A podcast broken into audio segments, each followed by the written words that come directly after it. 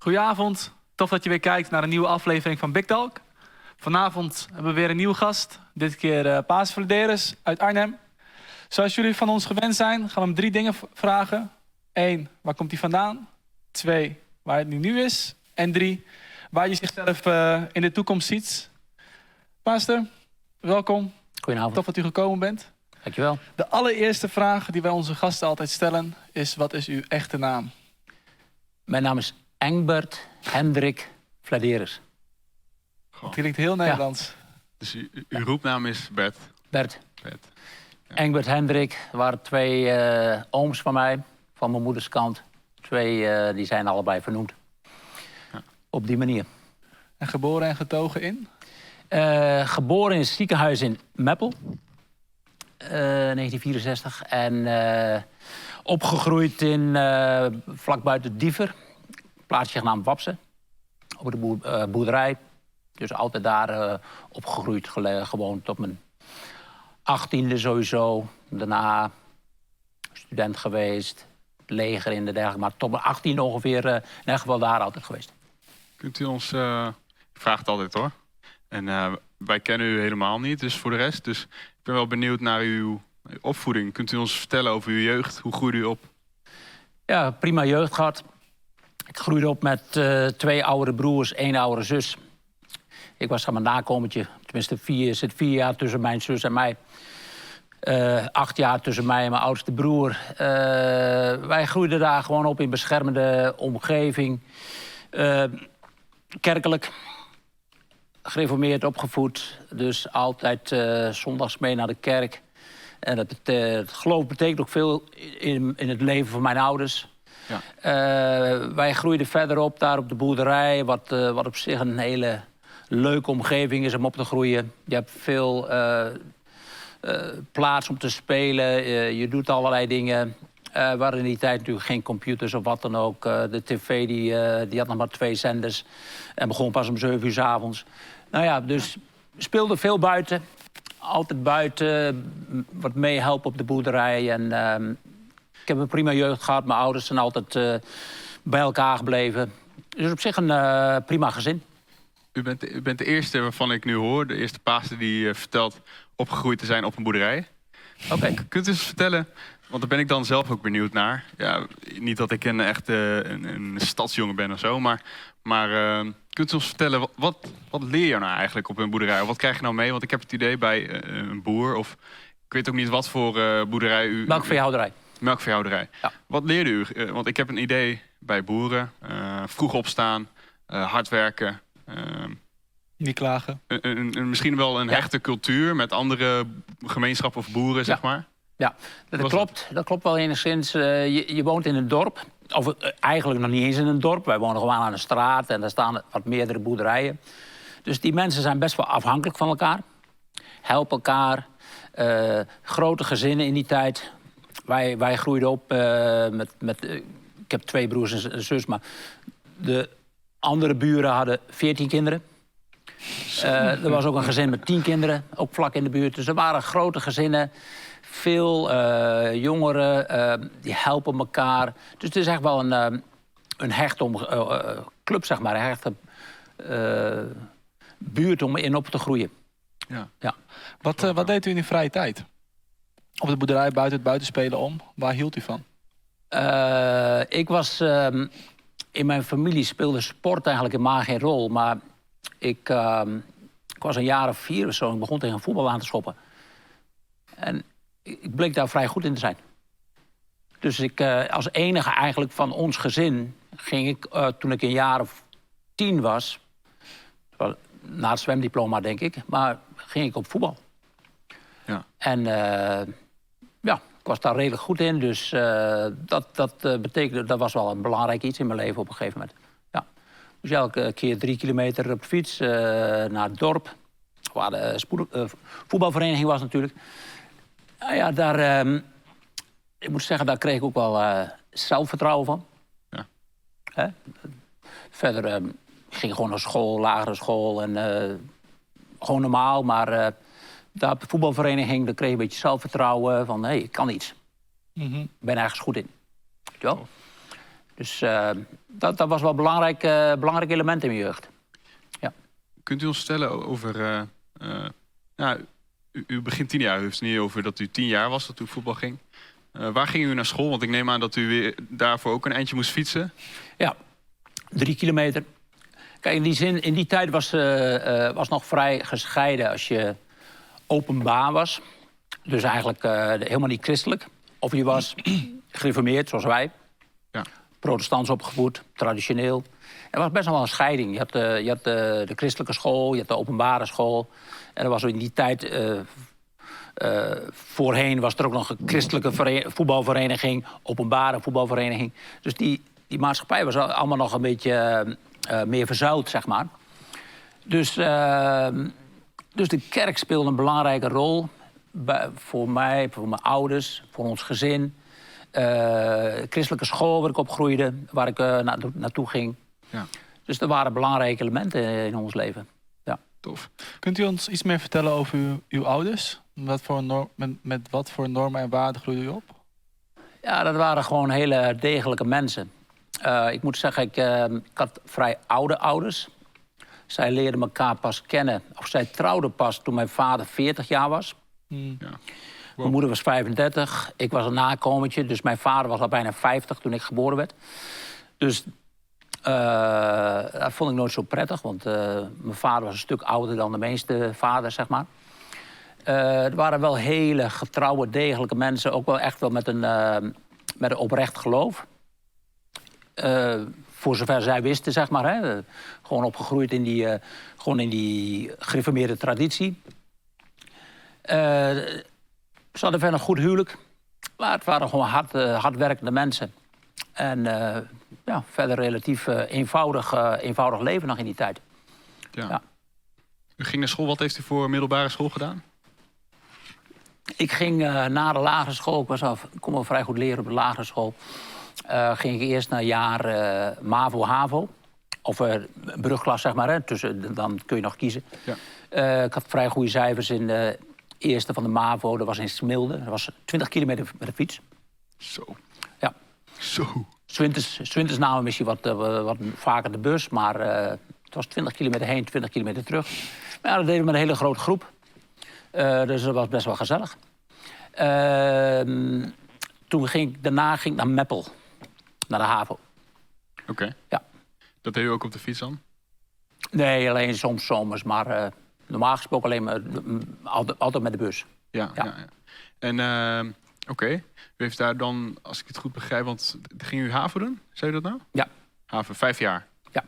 Vijf jaar. En uh, hoe, hoe was die tijd? Nou, ik denk dat het voor iedereen wel een beetje nou ja, moet ik niet te makkelijk zeggen dat het hetzelfde is, maar... Ja, uh, het, was, het was een beetje bijzonder voor mij. Uh, ik was 14 jaar, ik, uh, je bent in de puberteit... dus je bent je heel erg bewust van hoe andere mensen over je denken... en je, daar ben je een beetje nerveus over van... Hoe, hoe, pas ik in de groep, pas ik in de klas, hoe, waar sta ik ergens... Ja. en in die tijd kwam mijn oudste broer tot bekering in Steenwijk nog in die tijd. Voor de kijkers en luisteraars die het niet weten, uw oudste broer, wie Wim. is dat? Ja. Wim Vladeris, die uh, paaster is in Emmen. Ja. Uh, die kwam toen tot bekering door een... hij was uitgenodigd daar, hij was aan het stappen daar in Steenwijk. Hij was vijf jaar ouder dan mij. Was daar met een vriend en die werd aangesproken op straat in Steenwijk. En uitgenodigd voor een film. En hij kwam onmiddellijk tot bekering die avond.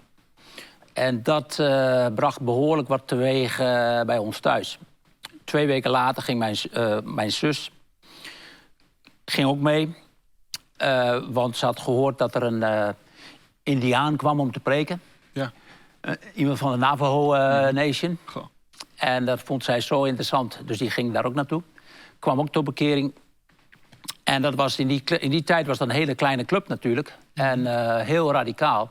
Dus dat bracht, dat bracht een heel andere sfeer bij ons thuis. Want wij waren natuurlijk gewoon traditioneel opgevoed.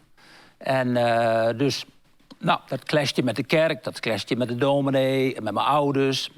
Kunt u ons vertellen, voordat u verder gaat, op wat voor manier clasht dat dan thuis? Hoe, hoe moet ik dat voor mij zien? Uh, waar oh. schopten ze dan tegenaan? Uh, omdat, omdat wij geloven in wedergeboorte, wij geloven in bekering. Ja. En dus wij zeggen tegen iedereen dat ze tot bekering moeten komen. Maar het punt is, als je traditioneel bent opgevoed... dan word je al verondersteld om een christen te zijn. Ik bedoel, jij bent als kind gedoopt. Mm Jij bent altijd meegeweest naar de kerk. Ja, ja. Dus dan word jij eigenlijk al verondersteld een christen te zijn.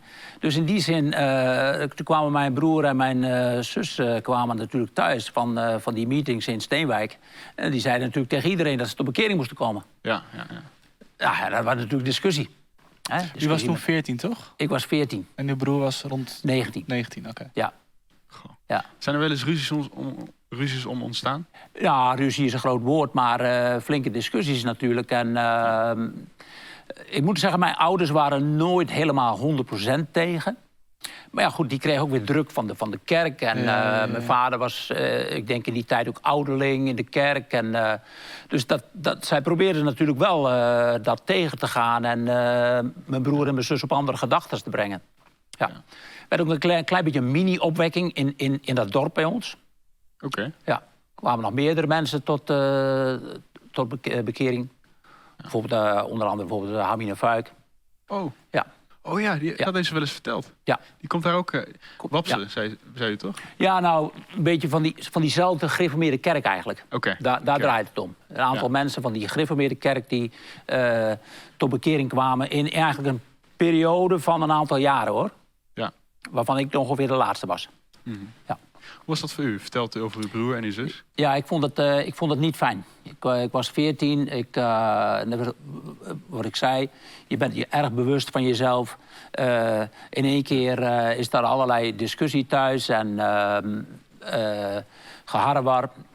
Zo beleefde ik dat tenminste. ik kan me ook herinneren dat ik een keer naar een film ging. Dat ik werd uitgenodigd voor een film in ons dorp. Die hadden hun georganiseerd vanuit Steenwijk nog in die tijd. Of, of misschien de eerste jaren van, uh, van Zwolle. Ja, ik, uh, dat was best wel een intense film. Als een dief in de nacht. Mm. En dat, was, dat kwam best wel heftig binnen. Maar ik denk, ja, als, als ik nu mijn hand opsteek hè, bij de oproep... ja, goh, ik, mag, ik mag niet meer voetballen, ik mag dit niet meer, ik mag dat niet meer. Uh, ik moet ook zo, zo praten als mijn broer. Mm -hmm. Dus ik denk, nee, dat ga ik maar niet doen. Goh. Ja. Wat, wat, heeft u, want u, was ook jong hoor, moet ik zeggen. Wat heeft u uiteindelijk toegeleid? Want u bent op keer gekomen, uiteraard, dat weten we. Ja. Uh, hoe was dat dan, to, dat proces, zeg maar, tot daaraan toe? En hoe was het to, toen u tot bekering kwam? Wat gebeurde daar? Ik kwam pas tien jaar later tot bekering. En uh, inmiddels waren wat, wat, vrienden van mij, ook hetzelfde dorp, in feite waren ook tot, tot bekering gekomen. Waaronder mijn beste vriend in die tijd. Uh, ik denk anderhalf jaar of twee jaar voor mij. Dus door de jaren heen kwamen er steeds meer mensen tot bekering eigenlijk. En, uh, en die, uh, die gingen naar Zwolle. En de enige reden waarom u niet in al die tien jaar niet eerder tot bekering bent gekomen... is puur omdat uh, u dan dacht dat u net als uw broer, broer werd? Ja, ergens wel. En ik, ik had een beetje een verkeerd beeld. en, en op een gegeven moment, 14, 15, dan kom je ook raak je ook betrokken in allerlei zonden natuurlijk. Weet je wel? Ja. Ik, ging niet echt voor, ik wilde niet echt voor God gaan, dus dan... Ja. ja, wat doe je in zo'n dorp?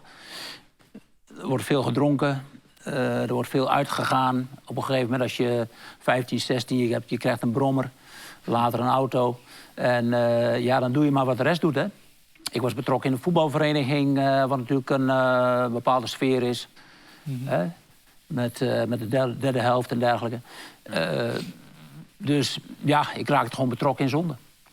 Ja. Dus dat, dat bracht mij ook verder van God. Ja. ja. Uiteindelijk zegt u 24 jaar totdat u, toen u eindelijk tot bekering kwam. Of eindelijk, ja. toen u tot bekering kwam. Uh, in die tussentijd, want u was, neem ik aan, al afgestudeerd. Of bent u verder gaan studeren? Of ik, uh, na de HAVO, ik was 17, heb ik een tussenjaar en uh, ben ik naar de MEAO gegaan. tweede klas. Toen dacht ik van nou, HBO gaat wel lukken. En toen ben ik naar Zwolle gegaan. 18, toen ik 18 was, ging ik naar Zwolle. ging de HBO bedrijfseconomie. Ja. HAO heette dat in die tijd. Zat in de Dieselpromenade, waar we nu altijd vlak voor staan te, te preken en te zingen. Ja. Mm. Daar, dat oude bibliotheek, dat was de HAO. Daar ging ik naar school. Ja. ja. En uh, ik ging op kamers. Eerste jaar in de kost, tweede jaar op kamers. En uh, ja, dan raakte ik ook weer betrokken in het studentenleven en dergelijke. En uh, er was een studentenvereniging waar ik actief in werd. Dus In die tijd eh, was ik niet erg, eh, niet veel bezig met God. Nee. Nee. Ja, hij was wel bezig inderdaad met allerlei dingen. Studententijd zegt wel. Ja. Maar niet met God. Nee. Kunt u ons vertellen, hoe, was die dag toen u tot bekering kwam? Wat, wat, wat gebeurde daar? Ja, ehm, ik was inmiddels al afgestudeerd. Ik, wat- ik had ook al eh, militaire dienst gedaan. Dus ik was inmiddels 24, bijna 25. Eh, die beste vriend van mij die was tot bekering gekomen. Die nodigde mij. eh, dus tussendoor kwam ik wel eens naar, naar, naar de kerk in Zwolle. Want er werd weer iemand gedoopt, of er werd weer een kind opgedragen, of ging iemand trouwen van de familie. Ja. Dus tussendoor kwam ik ehm, wel, wel naar, naar de kerk, maar altijd met een bepaald doel. En eh, hij nodigde me toen uit voor, een, voor opwekkingsdiensten met een Amerikaanse prediker. En eh, op een vrijdagavond. Ah, ik denk. En ik, ik ervaarde wel een bepaalde leegte. Ik had het allemaal wel een beetje gezien. Religie, dat werkte niet voor mij. Ik bleef altijd wel naar de kerk gaan. eh, die gereformeerde kerk waar we in opgroeiden. Bleef ik altijd wel naartoe gaan, maar dat werkte niet echt voor mij. Ik zag er ook niet veel in. Ik zag geen mensen echt veranderd worden of zo. Ik zag niet wat de Bijbel. Ik ging op een gegeven moment weer Bijbel lezen. Ik zag niet eh, toegepast wat in de Bijbel staat. Ik denk, nou, dat is het niet. Dus eh, dan val je een beetje in een gat. Het ene wil je niet, maar het andere wil je ook niet. En eh, dus toen nodigde die, eh, die vriend van mij, die nodigde me uit voor eh opwekkingsdienst op vrijdagavond. Ik denk, nou, ah, laat maar gaan. Veel van mijn vrienden waren in die tijd ook al getrouwd. Dus dat, dat viel een beetje uit elkaar. Die vriendengroep en zo, dat viel een beetje uit elkaar. Ja, ja. En ik denk, nou, ik ga naar Zwolle. En dus toen naar Zwolle gegaan en eh, dat, was, dat, was een, eh, was een krachtige dienst. En ik kwam tot bekering. Ik stak mijn hand omhoog. En het werd, eh, ik geloof dat mijn, mijn zus, die was in die tijd eh, getrouwd met de voorganger. Met de, met de paaster nog steeds, nog steeds getrouwd, maar helaas geen paaster meer hier in Zwolle. Maar ehm, die zat, dacht ik, in de, in de oppas. Of, en er rende meteen iemand naar de oppas toe van... je broer is tot bekering gekomen. En eh, nou, dat, was een, eh, dat was een hele happening met dat. Ja. Wat vonden ze daarvan? Want eh, u kwam veel later tot bekering dan. Hoe, stonden uw broer daarin en uw zus? Nou, die vonden het allemaal geweldig natuurlijk. Ja, Ja. geloof ik wel. Ik had natuurlijk een bepaald beeld van, eh, ja, kom ik nog een keer aan. Eh, maar dat, dat leefde helemaal niet natuurlijk. Die waren gewoon hartstikke blij dat ik, eh, dat ik die keuze maakte, uiteindelijk. Weet u Ja. nog waar de preek over ging? Ja, dat weet ik nog. Ja. Dat ging over, eh, dat ging over eh, Nehemia. Die Amerikaanse man die, die, die schreeuwde sowieso vrij hard. Voor mijn Is er geen Pasen meer? Nou, hij is niet meer in ons fellowship. Het zal Oké, wel pastor zijn. Maar eh, die, dat, dat ging over the joy of the Lord is, my, is thy strength. De vreugde des Heren is uw kracht. En eh, dat schreeuwde hij volgens mij wel, wel 25 keer in die preek. En eh, ik denk, nou, wat is dat dan? Uit het bedrijf toch? Ik wel denk, nou, die man is wel erg blij dan. en dus, eh, maar ja, hoe dan ook, ik, eh, hij deed een oproep. Ik vond eigenlijk maar niks, die preek. Maar eh, ik, ik stak mijn hand al omhoog. Ja. bepaalde overtuiging van. bepaalde overtuiging, ja. Ja. ja. Ik was echt aan toe om eh, tot bekering te komen. Wat voor een bekering was het? Ervoer u iets? Ja, jawel. Ja? Ja. Ja, ik ervaarde wel blijdschap. eh, ik weet nog, eh, ik ging, ging gelijk, werd gelijk uitgenodigd die avond eh, bij iemand thuis. En nou, wat napraten over de Bijbel. En ja, ging meteen leven. Ja. Ik had ook meteen een verlangen om de Bijbel te lezen. Ik woonde toen in die, in die tijd op mezelf. Ik werkte op een accountantskantoor. Maar ik had meteen een verlangen om de Bijbel te lezen. Eigenlijk, ja, ik voelde me een beetje schuldig dat ik zo lang had gewacht om tot bekering te komen. Dus ik, eh, ik ging meteen als een speer. Hard. Ging meteen overal naartoe. Ja. Eh, drie diensten in de week. eh, die goede vriend van mij, die, die had een auto van de zaak. Die pikte me altijd op. eh, overal naartoe. En ehm, we waren overal. Na één of twee weken begon, begon ik te evangeliseren. Eh, betrok in nazorg. ehm, ging er meteen vol voor. Werd u op sleeptouw genomen? Ja, ook wel op sleeptouw genomen. Door die, eh, door die eh, beste kameraad van mij. Ja. Ja. Ja. Ik bleef nog wel, wel een tijd voetballen op zaterdags. Ik kon gewoon niet maken. Ik was aanvoerder en eh, ja, kan niet, zomaar, kan niet zomaar mijn team in de steek laten. Nee. Ja, Nee. ja. Ik heb toen wel aangekondigd, want het was net aan het begin, begin van het nieuwe seizoen. Toen zei ik die, tegen die groep voetballers, ik zeg... Sowieso, ik ben tot bekering gekomen. Ik denk anders over andere dingen. ik wil geen aanvoerder meer zijn. Ik blijf gewoon voetballen, maar ik wil geen aanvoerder meer zijn. Waarom dat was, weet ik daar niet om. Gewoon een statement maken. Voor mij was dat gewoon heel logisch op dat moment. Ja. Kunt, u ons, kunt u ons meenemen naar... Uh, ja, u bent op keer gekomen. Hoe werd u dan gediscipeld? Uh, uh, hoe werd u, u zei al dat u betrokken raakte, evangelisatie? Ja, ik raakte gewoon overal in betrokken. Ik kan, ik, ik, ik, kan me niet zo herinneren dat ik nou zo, zo strak gediscipeld werd of zo. Ik, uh, ik was gewoon overal betrokken. Ik werd gevraagd voor dingen. Ik werd gevraagd voor een muziekgroep. Uh, ze hadden gehoord dat ik uh, drie akkoorden kon spelen. En ze vroegen mij voor een muziekgroep. Ja. hey, ik denk, waarom niet? Dus zondagavond muziek, muziekgroep oefenen. Daarna wat, wat weer in een andere band. Uh, je wordt hiervoor gevraagd, daarvoor gevraagd. Je gaat mee uh, naar teams, naar het buitenland. Ik kan me nog een groot team herinneren wat naar Aruba en Curaçao ging in die tijd. Mm. Was ik bij. Um, kreeg vrij snel verkering, denk na, na een maand of acht, negen. Ik ging er gewoon vol voor. Ik vond alles prachtig. Uh, prediking vond ik geweldig. Uh, opwekkingsdiensten, conferenties. Ik vond het allemaal even mooi. Ja. ja. Hoe groot was de kerk toen? 200 man, denk ik. Oh, gewoon echt wel... Ja, wel, uh... ja, ja, ja, ja. 200 plus. Ja. ja. En had u een bepaalde... Ervoer u een bepaalde roeping of zo? Of, of, of had u dat totaal nee, niet? Nee, of wel? nee, niet, niet, nee, niet in die begintijd. Maar ja, het, het, het, was wel een tijd dat gewoon heel veel mensen werden uitgestuurd. Dus dat was wel... Uh, elke conferentie uh, gingen er denk ik uh, gemiddeld twee echtparen uit Zwolle. En misschien later ook nog weer echtparen uit andere steden. Arnhem, Amersfoort. Dus dat was wel een ding. En dat, uh, dat bepaalde wel de sfeer in die tijd. Ook wel hoe je naar een conferentie ging bijvoorbeeld. Mm -hmm.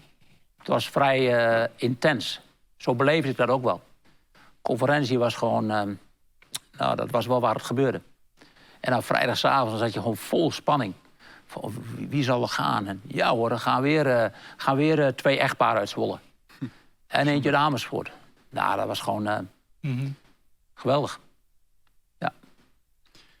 Dus uh, ik had dus niet meteen een roeping of zo. Ik heb nee, nee, nee, nee, nee. Uh, u zei dat u na acht maanden kreeg verkering? Ja, acht, negen maanden. Ja. Hoe ging dat met uw vrouw? Hoe leerde u uw vrouw kennen? Ja, zij zat al een jaar of drie in de kerk hier. Ja. ja. Gewoon uh, overal in betrokken. En het was gewoon een, gro grote groep jongeren in die tijd. En die waren natuurlijk allemaal bekeerd. Die waren allemaal niet, geen kerkkinderen, maar die waren allemaal vanuit de wereld. En uh, dat ging allemaal vrij vlot met elkaar om en vrij ongedwongen. En er zijn dus heel veel huwelijken uit voortgekomen toen. Ja. ja. Uiteindelijk bent u getrouwd. Ja. Uh, hoe lang duurde het voordat u zeg maar, uh, werd uitgestuurd? dat duurde toen nog... ik was anderhalf jaar bekeerd. Ik werd uitgestuurd vijf jaar. Vijf jaar na mijn bekering. Dus we waren, nog, waren drieënhalf jaar getrouwd. Drieënhalf jaar? Ja. Waar ging u naartoe? Delft. Delft? Ja. Hoe was dat, zeg maar? Uh, ik vraag het wel vaker hoor aan Pases. Hoe is dat dan om uh, nou, de eerste keer uitgestuurd te worden? Wat gaat er in u om? Ja, nou, dat was. Uh, we waren niet helemaal blanco meer in de zin van. in die tijd waren er toch wel wat kerken ook wel teruggekomen. dus ik had niet het idee van, nou, ik ga en ik kom nooit meer terug. Zo, zo stond ik er niet in. Mm. Ik dacht van, nou, ik ervaar dat ik, dat ik moet gaan. Ik ervaar een roeping. Wij gaan. Wij gaan ontzettend ons best doen. En we zien wel wat er van komt. Mm -hmm. Ja. En... Uh, en hoe is het Delft? Delft? Uh, nou, we hadden eerst Hengelo op het, uh, op het oog. En toen waren we een paar keer wezen evangeliseren daar. Mm -hmm. Vlak voor de conferentie, want we hadden al, uh, waren al overeengekomen dat we zouden gaan. Met onze paaster in die tijd. Uh, dus we hadden Hengelo op ons hart. Want ik dacht van, nou ja, ik ben een boerenjongen, dus uh, een beetje... Twente. Ja, Twente. Hè? Uh, dus daar gingen we een paar keer kijken, een paar keer evangeliseren. De tweede keer voelde dat gewoon niet meer zo, zo goed. Het was een beetje, de mensen daar die reageerden een beetje zo van, nou ja, ja, kan zo zijn, kan niet zo zijn. Ja, misschien heb je gelijk, misschien heb je niet, niet gelijk. Dus ik denk, nou, daar komen we niet verder mee, mm -hmm. op die manier. En toen uh, in de conferentie gaf een andere die iemand die al uitgestuurd was in die tijd, die gaf ons een tip: waarom ga je niet in Delft kijken? Mooie studentenstad. Hartstikke mooie stad. Nou, wij toen op donderdag, uh, donderdag overdag, of smiddags tussen de diensten eigenlijk, tussen, in de conferentie, wij op donderdagmiddag naar Delft. En daar wat rondgekeken en uh, zagen al gelijk die grote universiteitsgebouwen. En, wow, dat is echt wel een serieuze stad. Mm -hmm. mooie stad, compact, uh, wat mensen aangesproken. Voelde goed. Ja. En uh, toen na, s'avonds naar onze paas gegaan, zeiden we, nou, Delft gaat het worden. Ja. Uiteindelijk naar Delft gegaan. Ja. Gewoon zo snel. Ja. Donderdagmiddag besloten, zondag, of donderdagavond gaan? Uh, zondagavond, ja. Dat, of nee, vrijdag, sorry, vrijdagavond. Vrijdag, okay. Ja, vrijdagavond. De, hè, de, ja. Had, had, u, had u toen al kinderen? Uh, Stefan was geboren. Ja, Stefan. Gerda was hoogzwanger van Ruben. Uh, die is geboren drie weken nadat we in Delft waren. Ja. Dus augustus uitgestuurd. Laatste week van augustus was het in die tijd volgens mij 1 oktober. Is vandaag, hè? Ja, vandaag 1 oktober. Ja, ja 1 oktober verhuisd. En uh, dus uh, nu 26 jaar geleden. En ehm, ja, drie, week, drie, weken later werd Ruben geboren. Ja. Goh, dan kom je aan in, in, in Delft met één kind, hoogzwangere vrouw. Ja. Wat doe je? Uh, in het begin niet zo heel veel, omdat we toch even wachten tot, uh, tot de geboorte van Ruben. Maar ik ging natuurlijk wel op straat. Ik ging wel evangeliseren. Ja. En in die begintijd zijn eigenlijk uh, een, een, paar sleutelmensen zijn tot bekering gekomen. Eigenlijk al meteen in die eerste drie weken, voor, eigenlijk voordat Ruben nog mm. geboren werd. Ja. Dus voordat de kerk open was, hadden wij al een paar goede bekeerlingen. Die op dat moment niet zo veelbelovend leken, maar Achteraf. die zitten er nog steeds. Mooi man. Ja. Hoe lang bent u uiteindelijk in Delft geweest? 18 jaar. 18 jaar? Ja. ja. Kunt u ons iets vertellen over die 18 jaar? Wat was, wat was het, als ik u vraag, wat was nou het mooiste moment van Delft? Uh, het mooiste moment van Delft was de tentcampagne met Pastor Mitchell. 2007. Dat was wel de... Dat was een ontzettend hele eh, gave tijd was dat. Ja. En hoezo? Wat gebeurde er toen? Omdat, uh, omdat dat ook voor mijn bediening was dat eigenlijk een beetje een doorbraak. Uh, de kerk groeide gewoon heel, heel langzaam, maar gestaag. Mm -hmm. uh, we kregen goede aansluiting in de studentenwereld. Ook goede bekeerlingen daar. En dat zijn de mensen die er nu nog steeds zitten. dus in die beginjaren heeft God ons geholpen met in de studenten tot bekering. En wat andere mensen natuurlijk eromheen. beginjaren 2000, 2005 kwam ook wel aardig wat groei. Toen, toen, bleef het allemaal een beetje stilstaan op 50, 60 mensen. En toen uh, had ik de gelegenheid om een tentcampagne te organiseren met Pastor Mitchell. En uh, daar gingen we helemaal vol voor. Met de hele kerk? Ja, de kerk ging daar vol voor. Uh, financieel, voorbereiding, gebed en alles. In die tijd heb ik mijn baan opgezegd. Dus ik werkte nog iets van 16 uur in de week of zo als administrateur. Ik zegde mijn, ik zei, zegde mijn baan op. Dus toen, op de dag dat de tentcampagne begon, was ik fulltime. En die tentcampagne was, was uh, een doorbraak in de zin van... Uh, uh, er kwamen meteen heel veel... mensen werden genezen, mensen tot bekering. En de, die eerste avond kwam de tv, RTL 4 kwam. En die hebben toen een... op de avond, vrijdagavond, hebben ze toen een, een reportage, een korte reportage ervan uitgezonden. Dus op zaterdagavond hadden een miljoen mensen dat gezien of zo. Mm -hmm. Dus er bleven maar bezoekers komen. Ja? Ja, honderden. Ja. En uh, ook veel bekeerlingen. En die, die tentcampagne werd ook wel een doorbraak. Van, je weet hoe het gaat. Ik bedoel, niet iedereen die komt natuurlijk naar de kerk... maar mm -hmm. toch wel een aardige groep die naar de kerk kwam. Kleine groep die bleef. En we groeiden dus uh, ja, met zo'n 10, 15 mensen.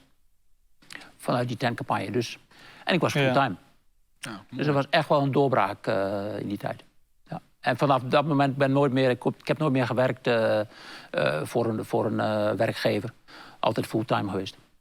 Ja. Mm -hmm. Je bent er 18 jaar geweest? 18 jaar, ja. 18 jaar. De volgende stap? China. China? Ja. Eigenlijk ken ik u daarvan eigenlijk ook pas. Ja, ja ik, wij zijn nog niet zo oud. Maar u bent naar China, in China geweest, uiteraard. Ja. Um, hoe kwam dat eigenlijk tot stand? Want je gaat niet zomaar naar China, zeg maar. Dat. Nou, ik heb, ik heb altijd heel veel gereisd. eh, sinds de kerk, ik denk uh, de kerk vier, vijf jaar oud was. Dus dan praat je op uh, eind jaren negentig, ging ik al reizen. teams, mensen mee uit de kerk. Het zijn naar Litouwen of in Europa, maar ook bijvoorbeeld Peru, Zuid-Afrika, China in 2003. Dus het was altijd wel meerdere keren per jaar dat ik, dat ik wel internationaal bezig was. Ja. Dus dat, uh, dat, dat bracht wel iets in mijn leven teweeg. Uh, dus ik heb, dat vergrootte mijn visie. En toen, ik had niet een bepaald land of een bepaald volk op mijn hart, maar ehm, wij werden simpel ervoor gevraagd. We werden gevraagd in 2012 was dat nog, werden gevraagd van zouden jullie China willen overnemen? En ik had wel een bepaalde visie voor buitenland. Ik heb op een gegeven moment met India rondgelopen. Dat zag mijn vrouw niet zo zitten. ik ben ook in India geweest. Toen zag ik er ook niet meer zo zitten. en uh, toen werden we gevraagd voor China. Ja. Een uh, e-mail van onze pastor. En uh, een paar minuten met mijn vrouw overlegd. Dus zei, ja, is goed. We gaan. Ja. Tof. U lijkt zo nuchter. U lijkt zo... Ja, gelegenheid. Laten we doen. Ja. Als ik, ik me naar voor te stellen, ik heb een vrouw, een paar kinderen. Ik krijg een mailtje. Ja, een paar minuten. ik heb niet een paar minuten erover. Nee, nou, omdat wij toch al bezig waren met buitenland. Weet je wel, ik had niet speciaal uh, iets op mijn hart. Uh, ook uh, vrienden van ons die naar het buitenland waren gegaan. En dus die mogelijkheid die hielden wij wel in ons achterhoofd. Ja. Plus, om eerlijk te zeggen, 18 jaar Delft, en hadden we ook wel zoiets van... nou, ik heb die, die stad ook wel gezien. Ja, geloof ik ook. Fijne kerk, fulltime, uh, goede mensen. Uh, maar uh, ik had elke, elke straattegel had ik wel gezien. en was ik wel 2500 keer ja, overheen gelopen. Ja, ja. Dus, dus, dus, het was ook gewoon een hele mooie uitdaging. Als mooie uitdaging, ja. ja. Zo, zo zagen wij het. Wat vonden, u, wat vonden uw kinderen ervan? Nou, we hebben twee kinderen toen achtergelaten, Steven en Ruben. Die waren 20 en 18. Dus die vonden het prachtig. Maar goed, dat jullie gingen? Ja, dat wij gingen. Ja. ja. Uh, Ruben was 18, dus hij had meegekund. Hij had ook, kon ook hier blijven. Nou, hij koos voor hem hier te blijven. Uh, Stefan die vond altijd de Zwollekerk vond hij altijd heel erg interessant. Hmm. Had hij al vrienden. En uh, dus die is na een aantal maanden dat wij in China waren... is hij vanuit Delft naar, naar Zwolle gegaan.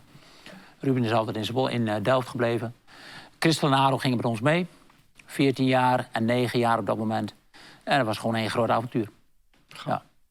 Toen u uitstapte uit het vliegtuig, dus uw eerste stappen zette in China.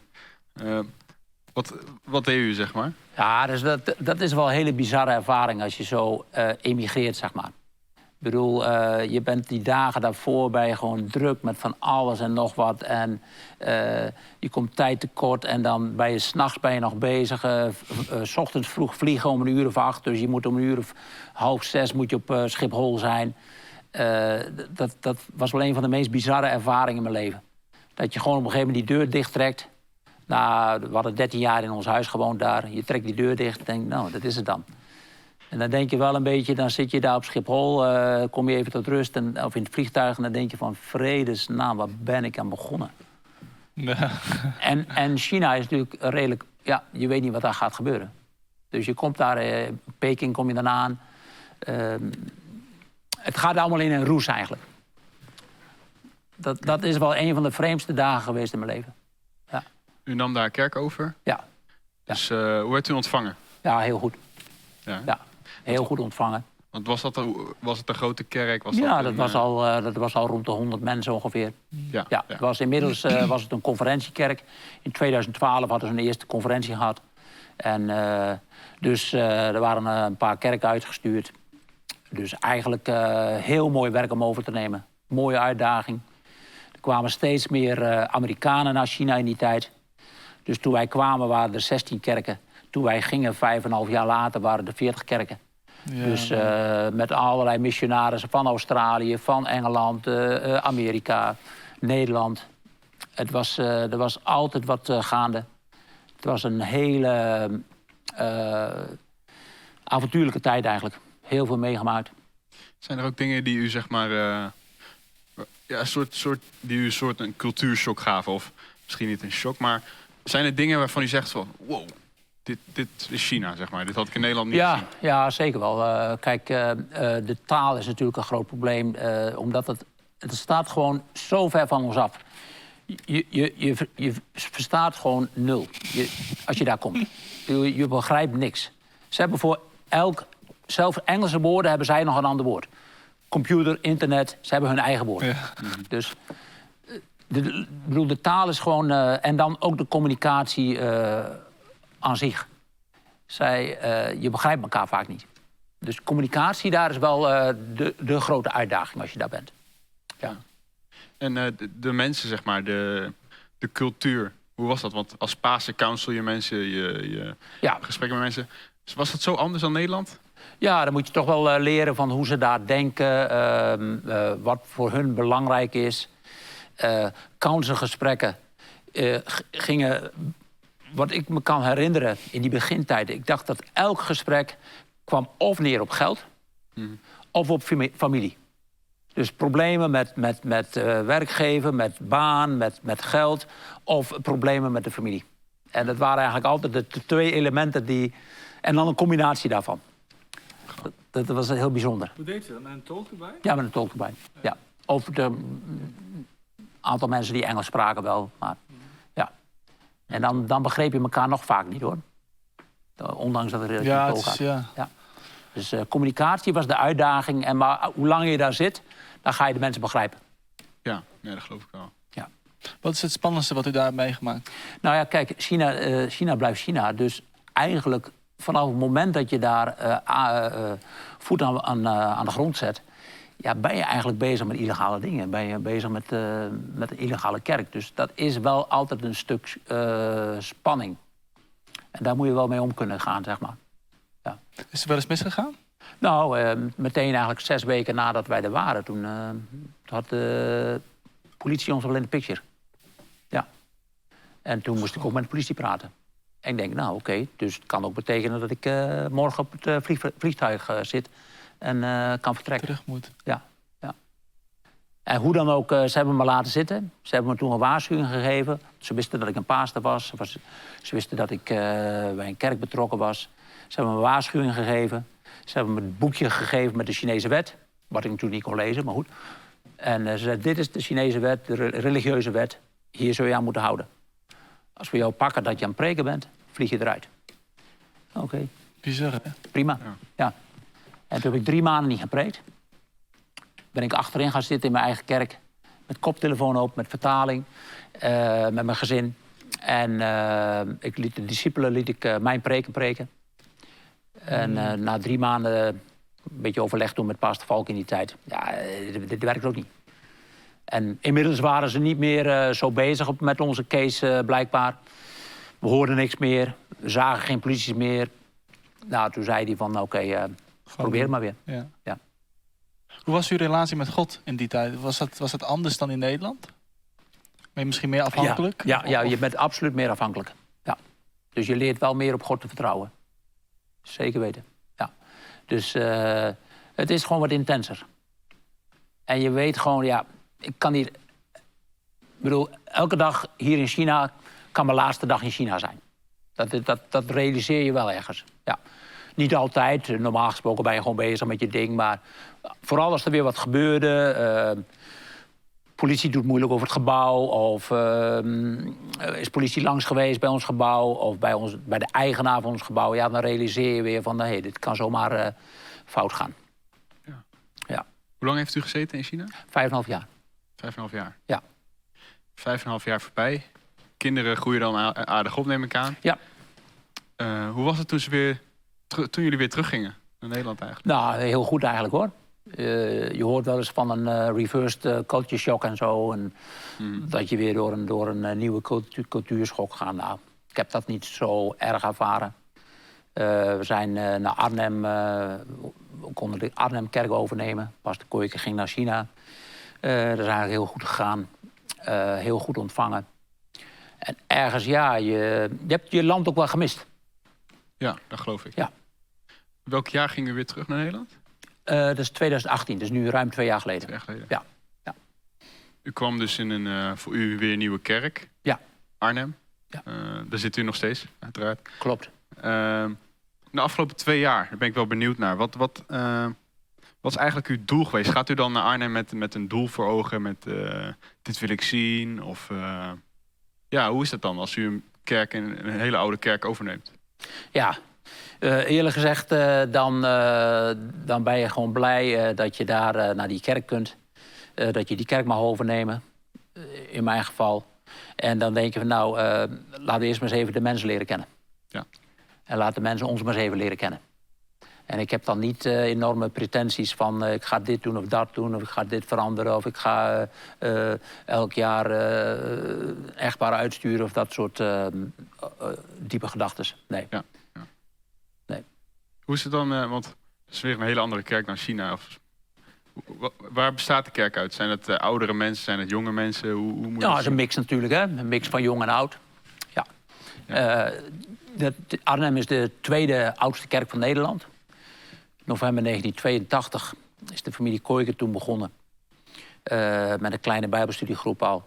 En uh, dus die, ja, sommige mensen van die groep, van die 1982, 1983 groep... ja, er zitten nog uh, een flink aantal mensen zitten in de kerk. Dus, dus dat zijn mensen eigenlijk van een beetje van onze leeftijd... of soms zelfs nog ouder. En ja, die gewoon daar heel getrouw de laatste 35 plus jaar God dienen. Ja, ja. En dus uh, natuurlijk getrouwd zijn en gezinnen en kinderen. En nou ja. Hmm. En er gebeurt natuurlijk van alles in die, in die tijd. Ja. Is er dan zeg maar ook een, uh, oh, voordat je een vraag stelt, is dan ook uh, een, een, een toekomstvisie waar u misschien uzelf ziet of wat u in de toekomst ziet voor uw leven? eerlijk gezegd, ik ben niet zo'n visionair hoor. Ik, ik ben gewoon blij met de, met de plek die, waar, waar ik ben op dit moment. Eh, ik ben blij dat, eh, dat ik dat mag, dat mag doen voor God. Ehm, ik, mijn doel is gewoon om, om, die kerk zo goed mogelijk uh, daar een paaster over te zijn. En natuurlijk betrokken te zijn in discipelschap en weer mensen uit te sturen. Gewoon dat het gewoon een goede, stabiele kerk is, wat het altijd is geweest. Ja. een, een moederkerk voor andere kerken. We hebben denk ik vijf, zes kerken uit. Ehm, en natuurlijk, uh, ja, doorgroeien. We, krijgen binnenkort een nieuw gebouw. Over twee weken krijgen we de sleutel. Dus dat is weer een nieuwe mijlpaal voor de, voor de Arnhemkerk. Uh, dus, en veel verder, uh, eerlijk gezegd, kijk ik eigenlijk niet. Ja, ik kan. Nee. Het is een, is een koopgebouw, hoor je? Ja, ja. Dus eerste, eerste, eerste koop, kooppand wat Arnhem heeft, ja. ja. Dus daar zijn we heel blij mee, heel enthousiast we zien eruit om dat wat eh, op te knappen en dan eh, per 1 januari daarin te gaan. Ja. Dus um, veel diepere gedachten heb ik daar op het moment niet over. Nee. nee. Is het dan zeg maar, uh, nou, vragen altijd de afsluiting of uh, de gastpasen zeg maar een bemoedigend woord wil spreken, ook voor ons. Ja. Daarvoor nog even, is er zeg maar misschien, een, misschien dat u een, een levensmotto heeft of uh, meer gedachten waardoor u altijd gewoon doorgaat. Wat is dat voor u zeg maar? Nou ja, um, Amir die vroeg, uh, waar preekte die paas daarover toen hij tot bekering kwam? En uh, dat was over the joy of the Lord is my, thy strength. De vreugde des Heer is uw kracht. En uh, ik ben er eigenlijk steeds meer wel als een, als een, als een motto gaan zien. Dat je als, als christen, eh, je gaat door allerlei dingen heen. Hè, als, je, als je langere tijd bekeerd bent, dan weet je gewoon, nou ja, dat, dat, je gaat door de ups en downs van het leven.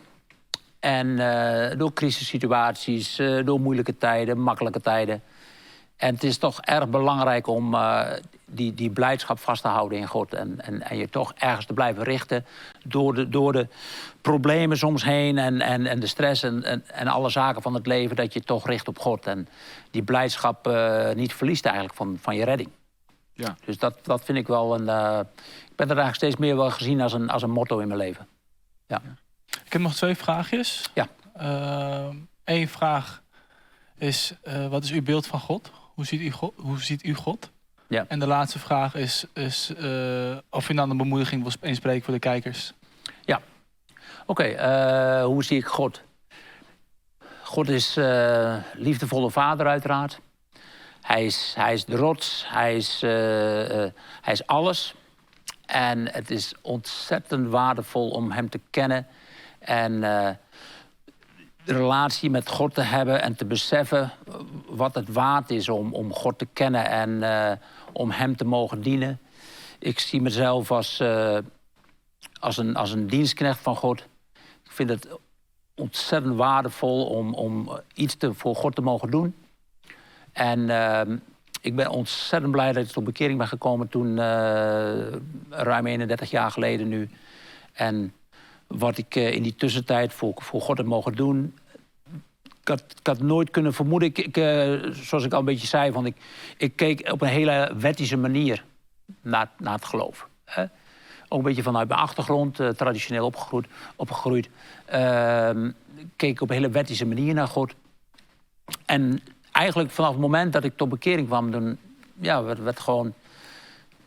Ik wil niet zeggen dat er één groot feest was, dat is overdreven, maar ehm, er ging als het ware een wereld voor me open.